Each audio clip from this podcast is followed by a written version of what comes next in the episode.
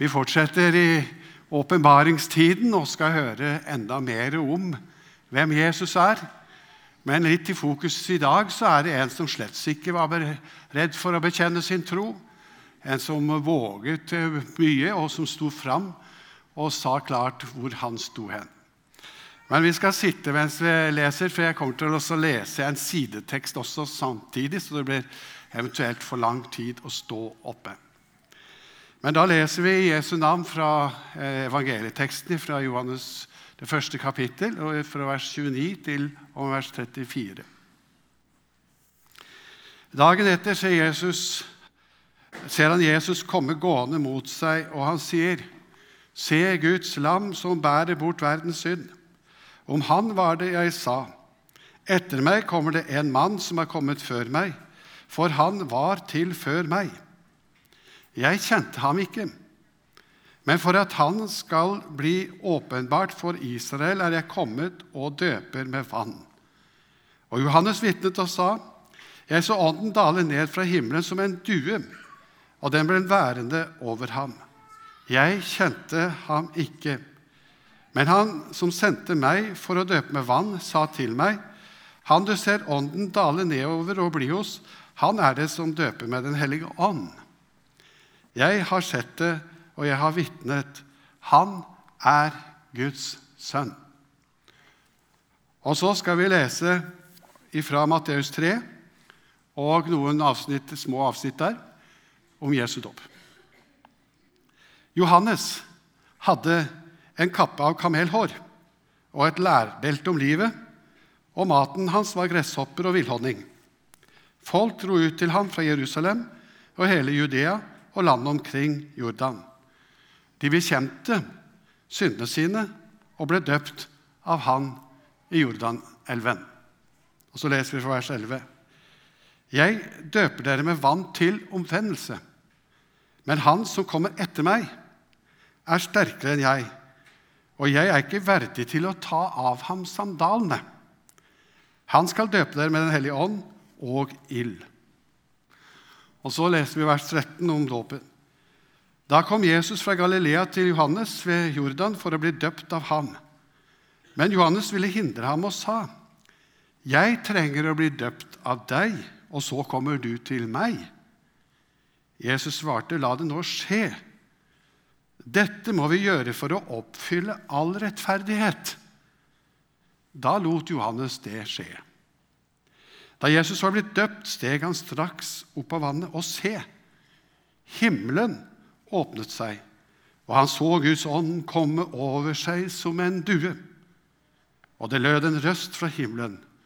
Dette er min sønn, den elskede, i hvem jeg har min glede. Jeg kjente ham ikke. Johannes var en slektning. Han var kanskje en lekekamerat, det står ingen steder, men jeg har tenkt på det i min fantasi.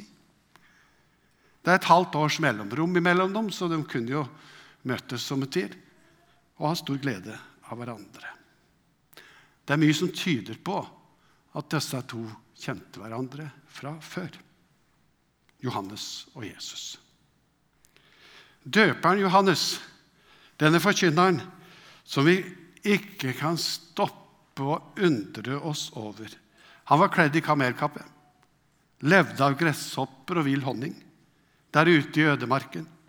En modig mann, ja, så modig var han at det førte til slutt at han ble halshugget, for han kritiserte Herodes.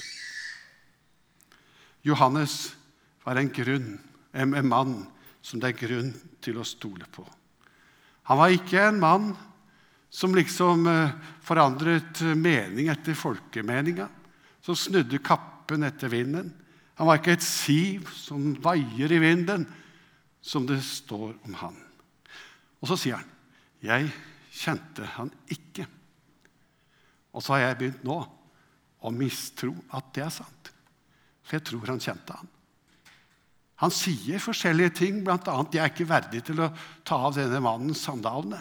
Hvordan kan han si det uten å kjenne ham? har jeg tenkt. Og så har jeg sett på forskjellige sider ved disse tekstene Han er mye større enn meg. Og så videre.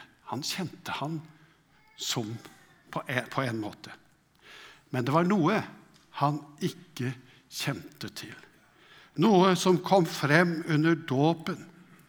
Johannes sin dåp var en dåp som var en følge av at menneskene bekjente sine synder. Og Jesus var syndfri. Han hadde ingen synder å bekjenne. Men på denne måten så skulle all rettferdighet fullføres. Og etter dåpen så fikk døperens vitnesbyrd en helt annen klang. Et helt annet innhold. Et helt nytt perspektiv. Han sier, 'Se, Guds lam, som bærer bort verdens synd'. Dette var det nye som kom frem etter dåpen. Derfor tror vi og tenker at da Jesus ble døpt av Johannes i elven Jordan, så bekjente han ikke sine egne synder, men all verdens synd. Det vil si at den dagen bekjente han din og min synd. Han bekjente våre synder, Jesus der. Det var ikke en eneste synd i hele verden som var glemt da han ble døpt til den tjeneste. Og så kom det en bekreftelse ifra himmelen. Jeg så, sier Johannes, Ånden daler ned over ham. Og røsten fra himmelen hørte vi, sier Johannes. Dette er min sønn, den elskede, som jeg har min glede i, som nå står der og bekjenner all verdens synd. Og det ble lagt på hans skuldre. Så det endret altså vitnesbyrdet fra døperen seg radikalt. Rett etter dette, som vi ser her, så ble Jesus av Ånden ført ut i ødemarken. Og døperen Johannes, han er jo sønnen til en prest og hadde vært i, i, i tempelet mange ganger. Og han hadde sikkert vært der også på den store forsoningsdagen, hvor han hørte sin far og de andre ypperste prestene de la hendene på en syndebukk og bekjente Israels folkets synder. Og så drev de den ut i ødemarken. Jeg går ut fra at Johannes etter at Jesus og den mektige opplevelsen som han hadde hatt, tenkte på dette.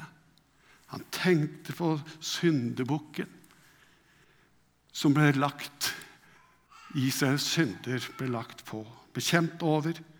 Og så måtte han drives ut i ødemarken og dø i stedet for Israels synder. Jeg tror også at Johannes, der han gikk etter den mektige åndelige opplevelsen disse 40 dagene, kom på mange andre ting som hadde skjedd i Israels historie. Som de hadde fått i oppdrag å formidle som en åpenbaring fra himmelen. Kanskje gikk han og tenkte litt på Abraham og Isak. Tanken på at det var en vær som ble ofret i stedet for Isak. Og vi ser denne sterke historien for oss. Der hvor de går oppover mot Moria-høyden. Du far, sier Isak, her er veden. Her er ilden. Men hvor er brennofferlammet? Hvor er det, far? Der går de. Det gikk rett inn i hjerterota til far.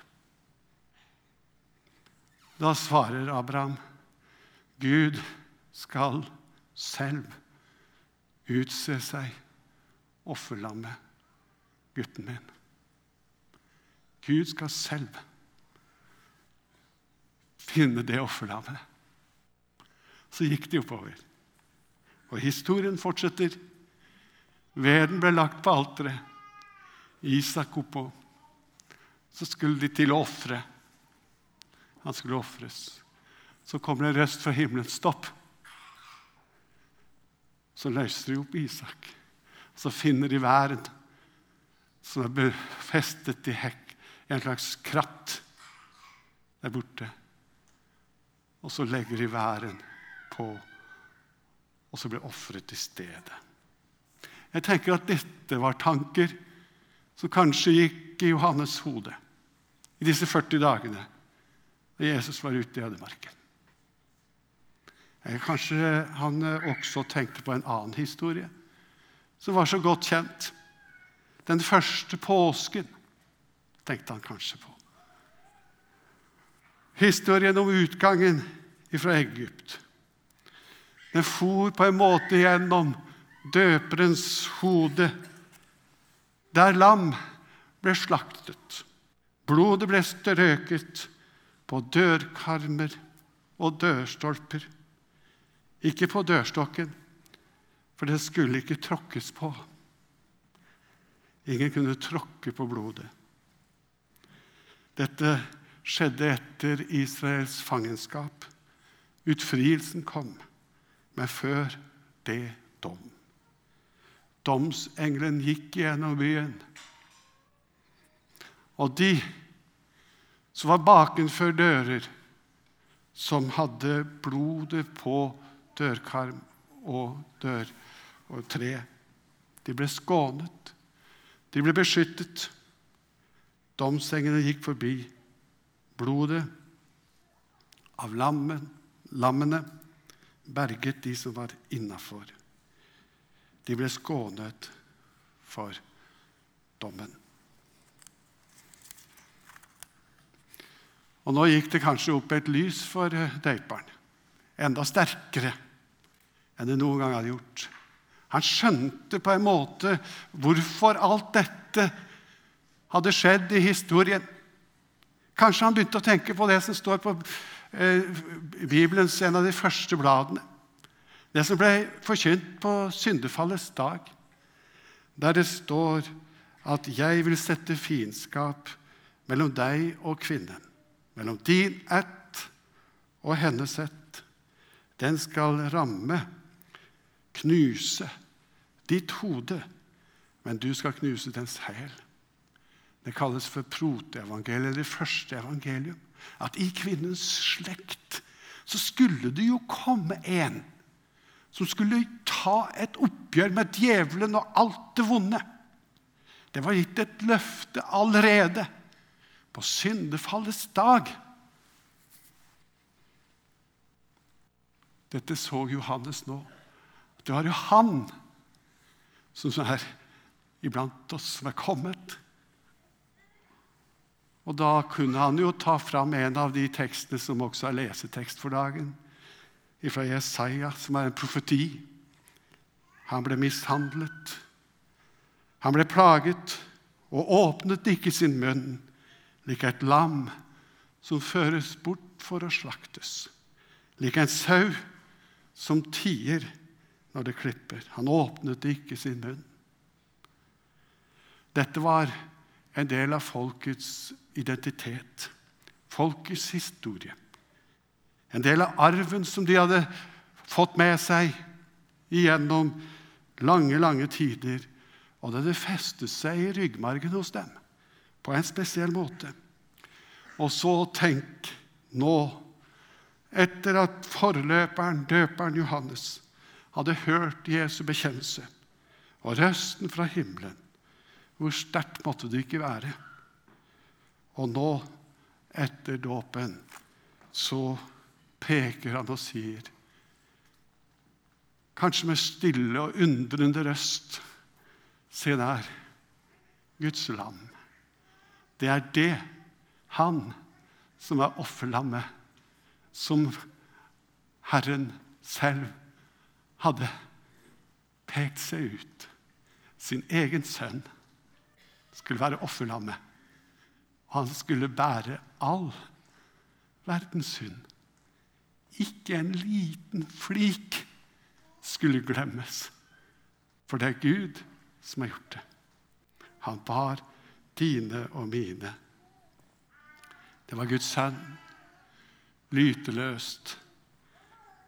Og så er det han som bærer verdens synder.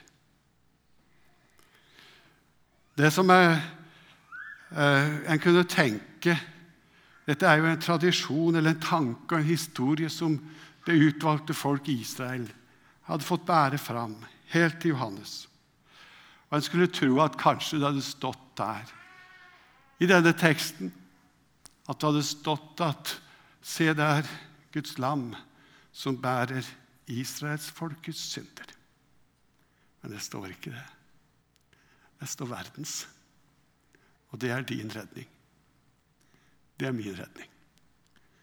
Det sto verdens synder. All verdens synd ble lagt på ham. Og dette er også misjonsbegrunnelse. Derfor driver vi misjon. Det er ikke et eneste menneskebarn på denne jord som ikke var med i forsoningens øyeblikk. Derfor så er det ikke feil det som døyperen sier, at 'jeg kjente han ikke'. Jeg visste ikke hvem han var før nå. Da forstår jeg det. Nå forstår jeg det. Nå fikk jeg kjenne han, Guds sønn, som er lammet, som er den utvalgte, som er den som bærer våre synder. Ja, det er sant som ble sagt. Abraham sa til Isak, Gud, gutten min, Gud skal selv utse seg offerlammet. Det er det han har gjort fra før tiden ble skapt. Og Derfor er det så viktig. Det er han som er sentrum. Og på denne måten og på denne grunnen kan være en av dere og oss som tror på Han, ha frimodighet innenfor Faderen. For din frimodighet og min frimodighet, det er egentlig ikke vår tro, vår prektighet, vår åndelighet eller noe som helst som er, beror på oss. For da hadde vi måtte ha vært ganske stille. Vi har blitt svar skyldige alle sammen. Men vår frimodighet er at Gud, han ser deg igjennom Kristus. Og i den som er i Kristus, anser han som om han aldri hadde syndet. Du er ren, og du er rettferdig. Himmelen verdig. I Jesus Kristus så er du det. Nå det er stort å tenke på. Det som står i romerbrevet, så står det slik Men ufortjent, står det. Uten fortjeneste, uten aktivitet fra vår side. Og av Hans nåde blir vi kjent rettferdige, frikjøpt i Kristus Jesus. Ham har Gud stilt synlig fram for at han ved sitt blod skulle være soningsstedet for dem som tror. Slik viste Gud sin rettferdighet. Og eh, I Kolossenserbrevet kapittel 1 så står det slik Men nå har Han forsonet dere med seg, da Kristus led døden i sin kropp av kjøtt og blod, hellig uten feil og uangripelige ville han føre dere fram for seg. Hva betyr dette? Det betyr at på grunn av Jesu offer, på grunn av Jesu død, på grunn av at han er det Guds lam som ble ofret i vårt sted, så er hver en som tror på han, hellig. Det betyr det mangler ingenting. Ulastelig. Jeg var nesten litt for sterkt. Det er mange som kan laste meg for mye. Og jeg kan laste meg selv for mye. Sånn er livet. Men innenfor Gud så var det en som tok min straff og din straff. Derfor så står jeg hellig, ulastelig og ustraffelig innenfor Gud. Ikke på grunn av meg selv, men på grunn av Han som er det Guds lam som bærer alle våre synder. Når jeg ser på dette, så får jeg, ikke, får jeg lyst til å bruke innestemme. Jeg får lyst til å tale stille.